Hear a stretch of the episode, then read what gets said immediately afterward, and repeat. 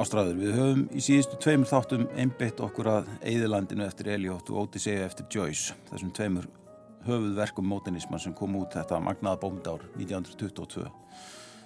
En í þessum fjörða þætti er hugmyndin að skoða önnur framsækin og áhrifamikil verk sem kom út á þriðja áratögnum og það er raun og veru af nóg að taka bæði austanafs og vestan. Já, sannlega og um, að því við höfum nú, við höfum nú aðeins staldra við í, í París þeirri mikilvægu borg í, í, í sögu nútíma hræringa í bókmyndum og, og, og öðrum sviðum mm. þá er það kannski fristandi að, að um, nefna uh, Gertrude Stein sem er, er höfundur sem, sem kemur náttúrulega frá bandaríkjunum með bandarísk sestað í, París og, og býr þar býr þar eh, hérna, áratugum samanbara sem eftir var uh, en verður eins konar uh, hún setur upp eins konar salón sko, hún er svona salónessa uh, og, og, og er, er, er heldur svona sangkvæmið það sem að, það sem að mæta margir bæði, bæði franskir og, og ekki síst hérna bandarískir útlagar mm. og um, e, þetta, þannig þetta verður, verður svona dæmum það hvernig svona samkominnstæðir skipta miklu máli og í þessu tilvíki bæði í bókmyndalífinu og og myndlistalífinu því hún var mikil, hún, hún, hún sapnaði, sapnaði myndlist og var mjög tengt Picasso mm. en, eh, og, en svo er hún alltaf sjálf stórmerkur rittöfundur sem að meðan hún svolítið lengi átt að sjá hún svona mótenisti sem að þreifaði fyrir sér í, í, í, eh, með tilraunum í ólíkum formum mm. sagnalistar uh, bæði í löngum verkum sem voru virtust vera mjög uh, hérna, runukend en það er hún var að leika sér að stílnum, leika sér að endurtekningum. Eh, en svo prófaði þetta líka í stittraformi og svo skrifaði hún eh, kostulega uh, æfisögu sambíliskonu sinna, Alsby Tóklas svo, svo bókar endar til dælu nýkomin út á íslensku. Einmitt. en við þurftum eiginlega að sjá meira eftir, eftir Götur Stein á íslensku. Stórmerkur mótinisti sem að sem að hérna uh, hefur stundum vilja glemast mm. Eh, og en í, í hús til hennar komu, komu mjög oft eh, sem frækt er eh, menn eins og Hemingway, Ernest Hemingway og, og, og Scott Fitzgerald, bandarísku höfundarnir. Og það er alveg ljóst að hún er eina vildar konum Hemingways og, og mörgum nú þótt skýtt hvernig hann skrifaði um hana löngu síðar og gerði nú halvveg svona grínaðinni rauninni svo að, að, að, að hún kenda honum tölverkt mikið. Já og, og hérna hugsaði vel um hann. Þannig hann, hún átti það nú ekki skilið. Svona geta höfundarinn verið hrissikslegir hver, hver, hver annan. Eh, og en, en, eh, en það voru fleiri, fleiri bandarækjumenn þarna eins og við höfum aðeins talað um áður. Þarna alltaf Silvia Beats sem gaf, út Joyce og, og, og fleiri eh, fleiri bandaríska konur sem að og þarna, þarna Þarna var um tíma síðar eh, Djuna Barnes sem mm. er eina eh, merkustu svona næstu kynnslóðarmótenistum mm. sem, sem er eh, og skaldsega hennar Nightwood með merkari mótenískun skaldsugum mm. uh, en, en það má ekki gleyma því að það, eru, það kom ekki allir amerikanandir yfir allanshafið uh, eitt sá merkasti settist aldrei að í Paris þótt hann ætti þetta að ferðast þegar nokkuð við og það er William Faulkner og, og hérna og hann uh, bjó í Oxford, Mississippi uh, alltaf sína tíð þó hann pæri til Hollywood um hríð og reynda að komast inn í kveimundabransan uh, en hann þarna í sveitinni og, og því með þess að þetta er aðtilsvert að því að mann tala ekki alltaf um mótunisman sem borgarlist mm. að Fóknir hann býr til sitt eigið hér að sem bara byggist náttúrulega á, á, á því sem hann þekkti þarna í kringum sig í Mississippi Jökna Patava kall, kallar hann hér aðið í, í skáldsugum sínum mm. og skrifaði heilan flokksskáldsagna um þetta svæði og, og þetta er stórbrotinverk og, og, og um, hann er tímaragst einn af þessum stóru nýsköpunar höfundum og ekki síst í skaldsögum eins og Sound and the Fury og mm. Absalom, Absalom og, um, og hérna og Lætin Ágúst, eða Ljósi Ágúst sem að Rúnar Helgi Vignísson þýtti á, á íslensku þannig að við hefum fengið svolítið á hann og við hefum vonandi eftir að fá meira Akkurat. á íslensku Einmitt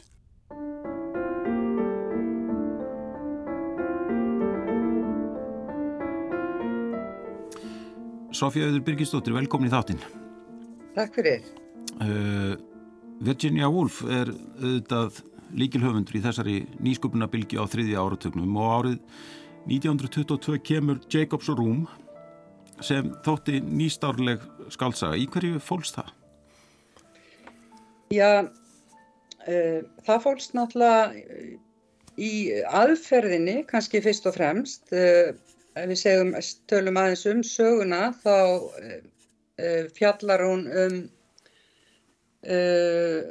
um personu sem heiti Jacob Flanders en hann er samt á mestuleiti fjárverandi í sögunni. Við sem sagt kynnumstónum í gegnum svona annað fólk, í gegnum litlar uh, frásagnir af honum og, og hvaða tilfinningar hann vekur hjá öðru fólki og, og, og í sögunni stendur á einum stað að, að maður get ekki sko náð utanum mannesku eða summerað upp mannesku, uh, það sé bara ekki hægt.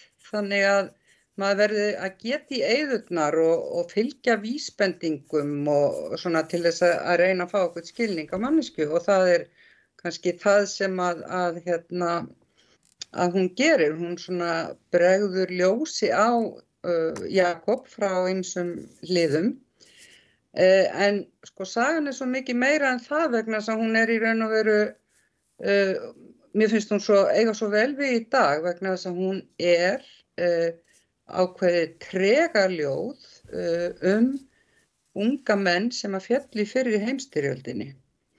Jakob er einn af þeim, við komumst ekki að því fyrir enn í loka kaplanum í raun og veru að hann er dáinn, hann er búin að vera dáinn alla söguna og, og um, uh, sem sagt sagan endar á því að móðir hans er að, að, hérna, að tæma herbyggi sem hann bjó í og Og nafnið Flanders, Jacob Flanders, sko þetta vísar, sko Flander var hugtak í Breitlandi sem vísaði til sorgar eða harms eftir, eftir fyrir styrjöldina. Nú, um, þarna kynir náttúrulega Virginia og Wolf til sögunar svona sitt uh, hugsanaflæði, þann stíl, en við skulum kannski mun eftir því að hún Hún var sko búin að skrifa tvær skáldsögur áður og svo var hún búin að skrifa e, bók sem heitir Monday or Tuesday sem kom út áruna áður og hafði að geima átta smáprósa, það er alltaf hægt að tala um smásögur, eitthvað svona skissur þar sem að, að hún er að prófa sig áfram í þessari tekni sem hún notar svo í Jacob's Room. Má segja að þessi bók sé eitthvað svona undibúningur af af Jacobs Rúmos og þeim sögum sem uh, þar fylgdu á eftir. Og, og mér finnst mér mikilvægt þegar við erum að tala um Virginia Woolf og um þessa aðferð, Stream of Consciousness eða hugflæðið, að hafa í huga sko að það hugtak sem að var henni hugleiknast alltaf, hún talar mest um bæði í öllum skáldsögunum og í greinum, að það er ekki hugtaki modernismi, það er hugtaki veruleiki. Og, og hún sko og við tengjum nú hugtaki veruleiki kannski frekar við raunsægisbókmyndir en hún gerir það ekki, hún er alltaf að spá í hvernig get ég miðlað veruleikanum eins og hann er og það verður ekki gert með því að lýsa sko það, það sem hún kallaði sko materialism, hún vildi meina að höfundarnir sem hafðu verið svona vinsalastir eh, á eh, kannski fyrstu hluta 20. aldarinnar, hún kallar það materialista að því mm. þeir vilja sko, þeir lýsa Jóni Jónssoni sem vinnur í timburversmiðju og er, er velmetinn hjá kirkinu og, og eitthvað svona eh, sko þar sem við viljum festa við raunveruleikan en hún mm. segir svona kemur ekki, ekki raunveruleikan á framfæri, maður gerir það með uh, með hugsanaferli, með hugleiðingum Uh, eða með þessum stíl sem að við höfum kallum uh, sem að kalla stream of consciousness mm. og það er að, þá í næstu tveimur skáldsögum Mrs. Dalloway og, og To the Lighthouse eða, eða mm, út í vitan eins og hún hittir á íslensku þá, þá þróar hún þessa tekni áfram er það ekki? Og, og, og fer og þá fáum við þannan innri veruleika þessara, já, þessara tvekja kvennal sem verið fyrir rúmi í, í þeim sögum er það ekki? Hvernig Jú, jú, það er sko, mér finnst með Stalloway tengjast uh, Jacob's Room uh, mjög, mjög sterkum böndum í gegnum þetta stríðstema sem að kannski mm. liggur ekki beint við en sko ef við hugsaum með Mrs. Dalloway þá, þá gerist hún á einum degi og, og ungur Dalloway er að fara að halda veistlum kvöldið og við fylgjumst með henni einn dag en þegar hún er að undirbúa þessa veistlu og halda hana svo um kvöldið en, en uh, önnur aðalpersonan er einmitt Septimus Smith, ungur maður sem er nýkomin heim úr stríðinu hann hefur lifað það af en hann er uh, þjáist af, já hvað kallum við það í dag, hann er svona sjálfsjókt. Já, þetta er svona áfallastreita. Já, áfallastreitu eftir stríðið mm. og, og, og auðvitað uh, gerist það í, á þessum degi að hann uh, fremur sjálfsmál. Hann, þannig hann er fórnalam stríðsins eins og, eins og Jakob. En, en svo er það í út í vitt hann sem að er alltaf talað um að, að þar fullkom nú þennan stíl. Um, oft talað um það sem svona fyrstu stóru skáldsögun hennar að því að þær sem koma undan eru svona allar mikið stittri bara í blaðsögu fjölda. En þar einmitt lýsir hún fjölskyldu lífi sem að, að við vitum núna er byggt algjörlega á hennar eigin fjölskyldu og, og kemur svona á framfæri mjög sterkum, sterkri fjölskyldumynd í gegnum þennan stílsinn, í gegnum þennan e, ljóðuræna hugflæði stíl, mm. getur við sagt. Það er alveg, alveg með, með ólíkindum hvernig, já, með tökinn sem hún hefur, hefur á því og ekki síst í þessari sögu að, að, hérna, að, að fá mann til að einhvern veginn meðtaka veruleikan svona í, bara í gegnum hugsanir og hugsanir sem stundum bara hreinlega verðast vera bein tilfinninga tilfinninganám einhvern veginn. Já, já, mm. nákvæmlega og það er, það er í raun og veru mjög áhugavert að skoða þessar svo kallu skissur hennar þarna í, í uh, Monday and Tuesday af því að, að við sjáum sko þessi sömu þemu ganga aftur og aftur og hvernig hún er að prófa þessa aðferð Nú þýtti ég eina af þessum sögum sem heitir uh, Kew Gardens og mm. byrtist í þarna safninu, uh, Evróska safninu uh, Smásögur heimsins. Og, og sko hún er komin alveg með hennan stíl, hún er alveg komin með hann þarna uh, semst, í þessum sögum. Þar fyrstu byrtast 1919 og 20 og svo kemur safnið út 21 og, og maður sér sko hvernig þessi aðferð, hún er orðin til þarna en hún er, hún auðvitað hún að þróa hana og fullkomna sig í henni og, og það má alveg taka undir að, að, að hún nái ákveðinni fullkomnum svo í, uh, út í vitan mm.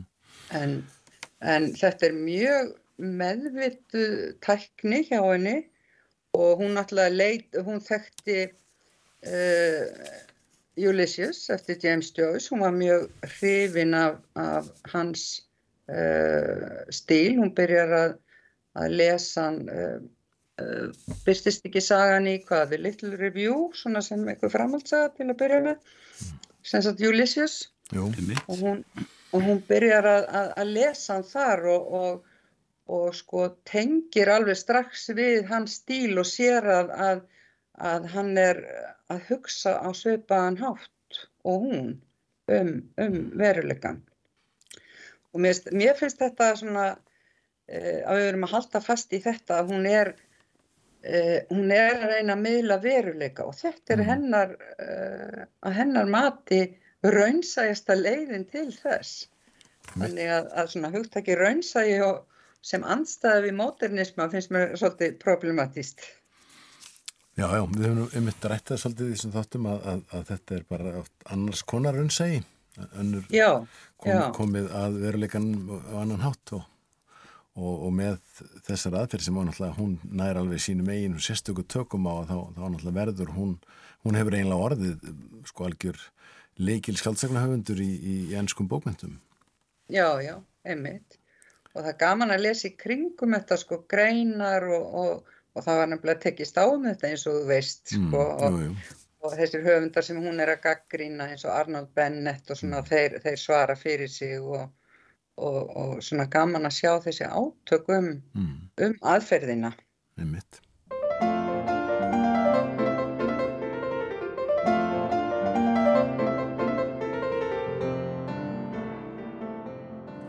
En þú nefnir París og sem eru þetta bara alveg magnaði söðupottur á öðrum og þriði áratöknum. Þannig er, þannig er sko, við hefum ekki nefnt að það er eins og bara bóhemmin er að verða til þarna og, og hugmyndin um snillingin er ennþá bráðlífandi á, á, þannig í París einmitt á þessum árum og og þetta er svona meir og minna uh, mjög svona góðborgarlegt uh, hérna, lista samfélag en á sama tíma er verið að gera uppreist gegn akkurat Já. Öllu því hefðbundna og henni, henni borgarlegu list Já, við, við höfum aðeins nefnt surrealistana, hvernig surrealismin náttúrulega og, og með da- dataistunum sem kom inn í þann hóp eh, blómstraðu þessum, hérna á þessum áratug í París og, og, eh, og já, það var svo merkilegt með, með Parísin sem við höfum reyndar aðeins drepið á að, að, að það er eh, merkilega mikil, mikil umburðalindi mm. Meira heldur en viðast hver annar staðar á þessum tíma. Það er svona og ákveðin breytt í menningunni. Eh, og, og fyrir vikið verður mjög fjörugt eh, menningarlíf í- þarna í París. Og, og, og þarna sko, er líka ákveðin bókmenta hefð og, og ákveðin bókmenta sín sem ég held að skipti mjög miklu máli fyrir eh, sko einni fyrir aðra höfundar sem koma að það. Þetta er sín sem að maður byrjar eiginlega að kjarnast mjög rækilega í, í ljóðum Baudelaire sem að, sem að, sem að beinir sjónum að, að borgar mugnum og annan hátt, bendir á draumana og draugana sem er á vafrum gödurnar og fólk fer einhvern veginn að horfa öðruvís á þessa borg. Og, og þetta og, og síðan þeirra Rilke sem var nú uppvaksinn í, í, í Prag e, þegar hann sest að í Paris og, og, og þá segir hann meðal annars í, í hinu sinni frábæru skaldsögu e, minnisblöðum allt til árið Sprigge sem er endar kemur út fyrir fyrir heimstyröldina og er, er nýtt þýtt af, af bindið hjartarsinni á íslensku að, að þar segir uh, aðalpersonan að þarna hafa hann lært að sjá í París, París kend honum að sjá. Og það í raun og veru segir til þess Valdur Benjamin sá, sá merki uh, hinsbyggingur og menningafræðingur um, einnig uh, að, að, að, að í raun og veru París kend honum að lesa borgina sem náttúru, náttúru heim og hann fer með það eiginlega aftur til sinnarborgari, Berlínar og rifjar upp sína æsku og áttar sig á því hvernig hann getur sagt, sagt sína sögu í, í borginni. einmitt.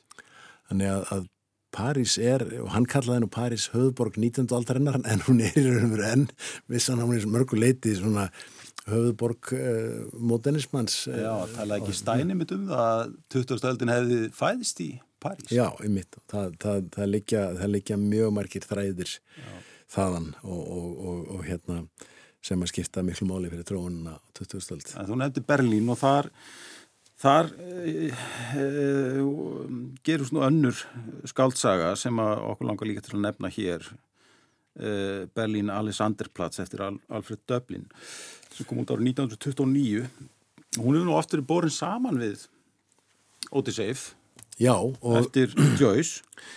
Einmitt, það, og, og það, hún kemur sjö árum síðar og, og, en, en það er vitað og, og hann fór döblin, eh, fór ekkert í felur með það að, að hann var hafði lesið eh, lesið eh, Ulysses í, í þískri þýðingu reyndar, hann kom út vísnum þemma og, eh, og var mjög hrifinn og, og það er að sjá viss, viss hérna svona eh, ég vil ekki endilega segja áhrif en, það, en maður sér samt að hann hefur, hann hefur lært af. Og þannig komum við aftur að þessum með tilrauninnar Eh, þegar Joyce skrifar Ulysses þá er að mörguleiti heilmikið tilraunaverk þó hann þykir því líka svona mistara stykki mm. og sumum þykir ekki hæfa að tala um tilraunir um og verið að tala um snildarverk. Mm.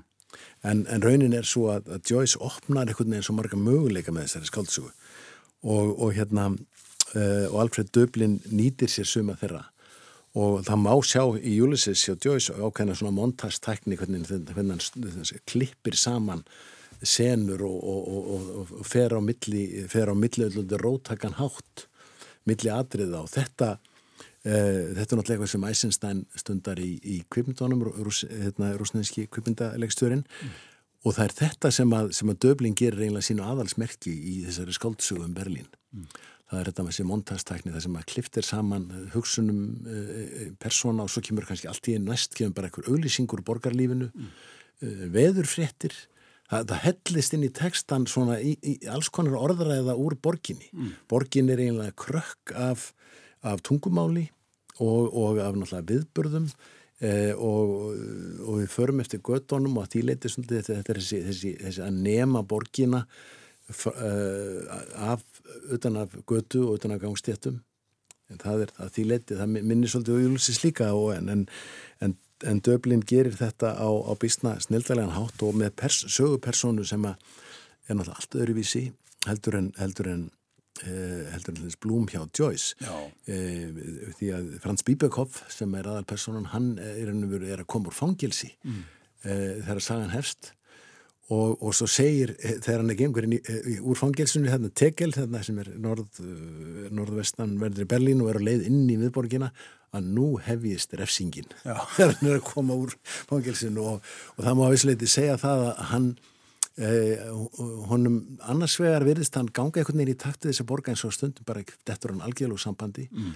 og, og það er það er einhvern veginn það er eins og einhver langvarandi ögur stundi í, í þessari borg uh, Berlín á væmara tímanum það er svona einhvern veginn nötrar uh, hérna jarðvegurinn und, undir mannfólkinu og, og, og hérna Bíberkopf ætlar sér að vera uh, láta hlutina nú ganga vel og verða alminnlegu maður og, og, og hérna, en hann dregst aftur inn í, inn í ofbeldi Akkurat. og inn í glæpa heiminn og þannig að við fáum beilinni svolítið að sjá veruleikan frá, frá slíku sjónarhóttni í, í þessari skaldsögu á, á stundum nöturlega en líka magnaðan hátt. Mm. Döblin uh, uh, líka verið svolítið svona utanveldu í bóndasögunni þegar ekki, hann er ekki svona jafn, þekktur höfundur, svona þýskumalandi höfundur og, og, og til dæmis bara eins og Kafka og Thomas Mann og Nei, ekki, ekki kannski eins og þeir en, en sko þessi skaldsaga uh, er, er mjög þekkt mm. það sem það, það allir döblin miklum vonbröðum að þó að þessi skaldsaga sko slægi í gegn sem hún gerði strax og, og hérna þóttum sé ekki, ekki endilega öðurlæs þá, þá, þá varð hún, hún gríðilega vinsæl og var fljótlega þitt á ymistungumál og hann taldi vist að nú færi fólk þá að líka að lesa önnur verk sem hann hafi skrifað mm. en það var það ekki er sérstætt sko að, að hérna, því hann ágættis höfundur en hann er einn af þeim sem að situr svolítið uppi sem einnar bókar maður í, í huga margra. Og, en þessi bóku náttúrulega eh, já, hérna er, er eh, já, tvímala löst uh, fyrir Berlínarborg. Mm.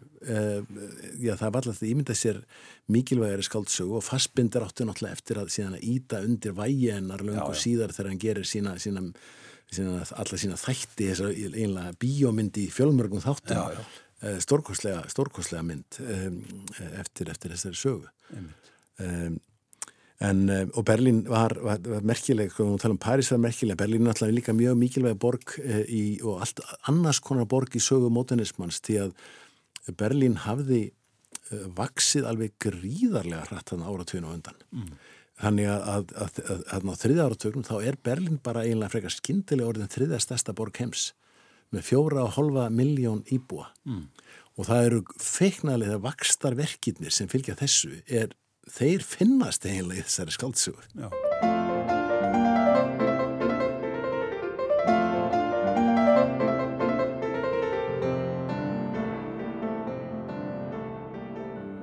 Gauti Krismansson er komin hinga til okkar í þáttinn. Velkomin. Takk. Og þú ert að þýða törrafjöld. Já, ég hef verið að því undan fyrir tvö ár. Og, þarna... og ert að vera búin eða? Já, ég er að vera búin, langt komið með þetta. Og bókin kemur á þessu árið eða hvað? Já, það ætla ég að vona. Nefn að verði bappiskortur eða eitthvað sko. Já, ja. það er handlegur að þýða Já, þetta, þetta, er, þetta er landverk sko, þetta er, þetta er, ég menna það fyrir eftir umbrotti, ég menna það ég séði í 700 blaðsíðum og í 1100 blaðsíðum og, og svo framvegð sko, það er svona, þetta er, þetta er sko mjög landverk, Já. kom út uppalega út í tveimur bindum Já. til þess að vera hægt að halda bókinni sko. Og þetta er flókið sko verk og eiginlega tilraunaverk Hva, hvað, hvað, hvað er það við törrafellin sem gerir það að þessu svona nýstarlega verki já, á sko, þessum árum? Já, þetta kemur út 1924 og þarna, sko, Tómas Mann hafði skrifað bækur eins og Bútanbrúk sem þóttu vera mjög þessum raunsægis anda og allt það. En sko ný, hann, hann byrjar að skrifa þessa bók fyrir fyrir heimstyrjöld þegar hann fer, sagan segir frá ungum manni sem, sem er þarna að fara að heimsækja frenda sinn upp í Davos í, í Ölbónum, svisnesku Ölbónum í þrjár vikur. Og frendin er sem sé Berklavíkur. Þetta var drepsótt unga fólksins á þessum tíma Berklarnir og það voru svona hæl upp í fjöllum þar sem hann gáttu leið upp á svölum og andaði sér ferskulofti í vonum að þeim batnaði. Það var ekki, eiginlega ekki annað til fyrir utan einhver svona mjög grógerðar uh, skurðagerðir. Og uh, hann endar á því að vera í sjö ár. Mm. Og sagan er, uh, sem sé, hann beitir alveg svona raunsægis aðferð með svo má segja, sko En það er náttúrulega sem gerir þessa sögu svo flokna og sprengir allan, alla raunsægis uh, ramma er sem sé hvernig hann skrifar þetta, hvernig hann beitir uh, sögumanni sem er svona óaraðanlegur, innbyggður sögumadur sem er sem, sem ég vel ávarpar lesandan eða er hann að tala um sjálfansi í flertölu uh, sko hann fjalla líka um það sem hann er að gera þar sem hann er að skrifa söguna, þetta er svona það sem kallaði verið metateksti mm veist, við erum að skrifa hérna í dýfstu þáttíð og, og við vitum sko vel að hvernig þetta er og svona svo er náttúrulega sko þessi óbáslega írónía sem er, sem er vissulega lástemt en hún gengur í gegnum alla sögun og alla frásögnina sem gerir þetta sko að allt öðrum hlut heldur en svona raunsægi skáldsögu að því að við, við, við erum, vitum aldrei alveg hvar við höfum þennan sögumann sko mm. og hann er að fóra okkur á ímsum upplýsingum um uh, fólkið og, og annað og svo milli lætur hann að tala og þarna það hefur stundum verið sagt sko að, að þarna, þetta sé gríðalega margratta saga, það tekst náttúrulega með því að hann fer upp í Alpana, það er fullt af fólkið þarna frá Rústlandi, frá Fraklandi frá öllum uh, Evrópuhotnum skulum við segja. Og það fær allt rött þarna og er að, eh, það er einn jesuíti og einn ítalskur eh, svona uppreistnamaður eða, eða upplýsingarmaður í raun og veru. Mm. og þarna þetta, þetta er alltaf tókast á. Svo er náttúrulega grunnfrásögnin þarna kannski fengið hjá, láni hjá göti þessum sé það er ungu maður sem verður ástfangin af giftri konu. Þó þetta sé það, ég menna þar, þar er sko raunir verðast unga eftir göti var, var svona viðkvæmnis sko tára, tárafull saga á meðan þessi er náttúrulega hlaðin svo mikill í íróni að, að, að, að maður bara maður, maður samt, svona, veit ekki alveg hum, hver, hvar húmórin er sko. þetta er mjög en þetta, hann skrifaði sjálfur sko þegar hann tók, byrjaði að skrifa, hann sko hann tók sér hlýja við skrifin meðan fyrir heimstyrjöld stóð og hann skrifaði sjálfur 1919 þannig að hann byrjaði aftur að hérna verið tækifæri til þess að sko skrifa pólifóníska sögu og hann segir það sjálfur sko. og þetta er náttúrulega áður en, áður en baktin er orðin þekktur í á Vesturlundum hann, hann notaði svona tónlistar hugtök sko, skrifaði nú fræga sögu síðar um, um, um tónskáld. En uh, það er þessi margröttun og þessi írónía og svo líka sko það sem, það sem hann er að tala um eins og til dæmis tímin sko tímin er í raun og veru karakter í, í sögunni því hann, það er svo mikið rætt um það sko, það er, það er líka byggingin sko, fyrstikablin er, er, er styrstur, eitt sólarhingur svo næsti einhverju dagar og svo sko síðasti, síðasti kablin tekur yfir nokkur ár sko. Mm. en þeir var alltaf lengri og lengri. Fyrstikablin er styrstur og svo sjööndir síðastur. Og það eru sjö kablar í bókinni. Mm. það er mikil númerológi í þessu. Talan sjö er, er allstaðar, það er stjörnufræði og stjörnuspeki. Og svo sko les hann í gegnum sinn karakter, hann, Hans Kastorp, unga mannin hann lesum sér vísindaritt og heimsbyggiritt og trúabræðaritt sko, við, við erum að lesa bækurna sem Hans Kastorp er að lesa og maður horfið komast. Og þetta, það er vel þekkt að hann, hann fekk að láni úr, úr frægum rittum síns tíma sko, ég menna í náttúruvísindum það, þar var hann bara með sko, það nýjasta sem var komið út á þýsku og þjóðverðar voru mjög framalega í náttúruvísindum á þessum tíma fyrir nazistan og ég fór bara hérna við bókasafn og þessar bækur eru alltaf til hér sko að því að þetta voru bara líkilverk í, í náttúrufræðum og þau eru enþá til í landsbókasafni. Og þar skrifar hann upp úr þessu og, og hann býr til svona sko hann segir stundum hva, hvað er lífið?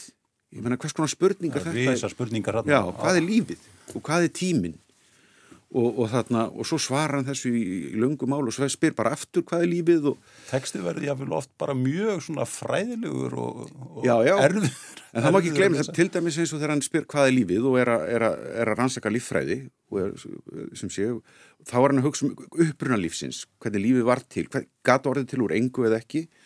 Og þá eru kenningar um það. En sko smám saman átt að lesanda sig á því að hann er svona að búa sér til sem sé mynd af konunni sem hann er svo skotin í sko mm. og hennar líkama og, og, og en samt sko fer hann algjörlega í, í, í, í sko, grunninn hvernig verður fyrsta frumann til mm.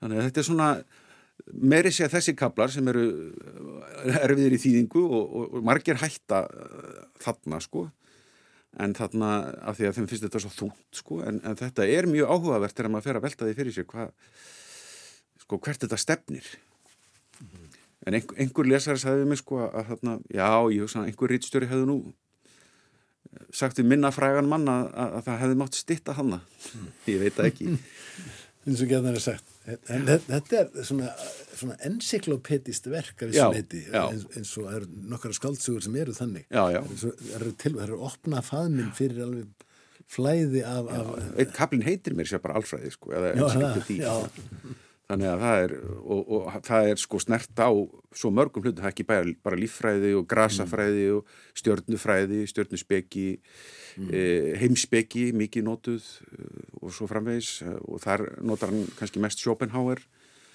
og, og þarna og er, a, er að skrifa upp úr þeim sko Það er líka svolítið verið að gegnumlýsa manni sko aðrið sem ég mandli vel eftir það er þessi röntgenmynda sem að, það, það er að tekið mynda hennum innra manni. Já, já, það er mjög mögnuð sena sko, það sem, sem þeir frendunni fara í, í röntgenmyndatöku sko, hann sér í fyrsta skipti sko höndina á frenda sínum í gegnumlýsingu og, og svo sér hann líka maður, sko, það, þetta er bæði röntgenmynd sem sé og svo líka svona gegnumlýsing það sem að mm. og þetta voru óölu tæki og skurðningar eh, segir sko og þarna, þá sér hann sem sé hjartað svona votta fyrir hjartan og slá sko og þetta hefur mikil áhrif á hann sko. þess vegna fer hann að hugsa um að alltaf þess að innri eiginleika líkamanns og, og verður eiginlega ástfangin af innri mynd konunar líka sem, að, sem hann er ástfangin af því að hann fær frá, frá henni svona litla röntgenmynd af henni þegar hún fer sem hann geymir í, í, í brjóstvasa jakkansins það, það er ekki sem sé mynd af konunni heldur röntgenmynd af henni. Þetta er draumur skaldsagna höfundar góma henn innri manni. Já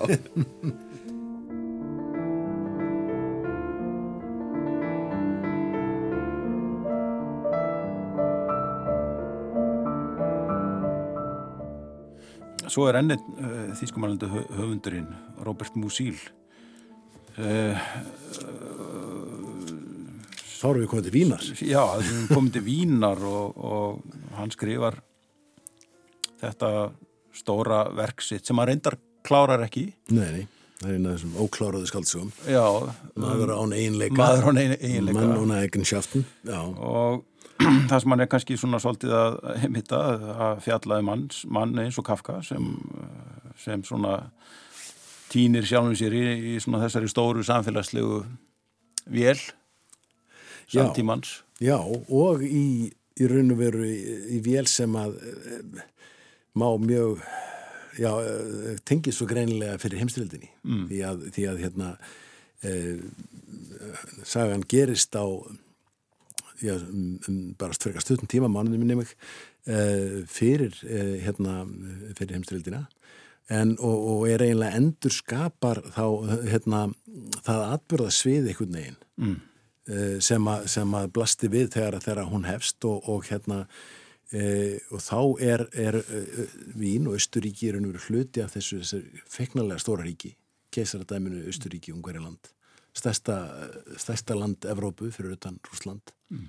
en ákala sérkynlegt ríki sem að hjekka ekki kannski öllu leiti vel saman og það sem að sko, Músil er að fástu þarna er, er, er svona sín vitsmuna mannsins meina, hérna Ulrich, aðalpersonin í sögun er, er svona mjög tengdur í raun og veru höfundi sínum mm. eh, og er að fara gegnum sveipaða, sveipaða kreppu, þetta er svona kreppu stórvirki eins og smá, sem má kannski segja líka um Belín Alexanderplats og, og svo Töfrafjall eftir mann, þetta er þetta verk sem að, sem að vinna ótrúlega svona magnaðan struktúr út úr ákveðinni kreppu meðalans kreppa ákveðina einstaklinga mm.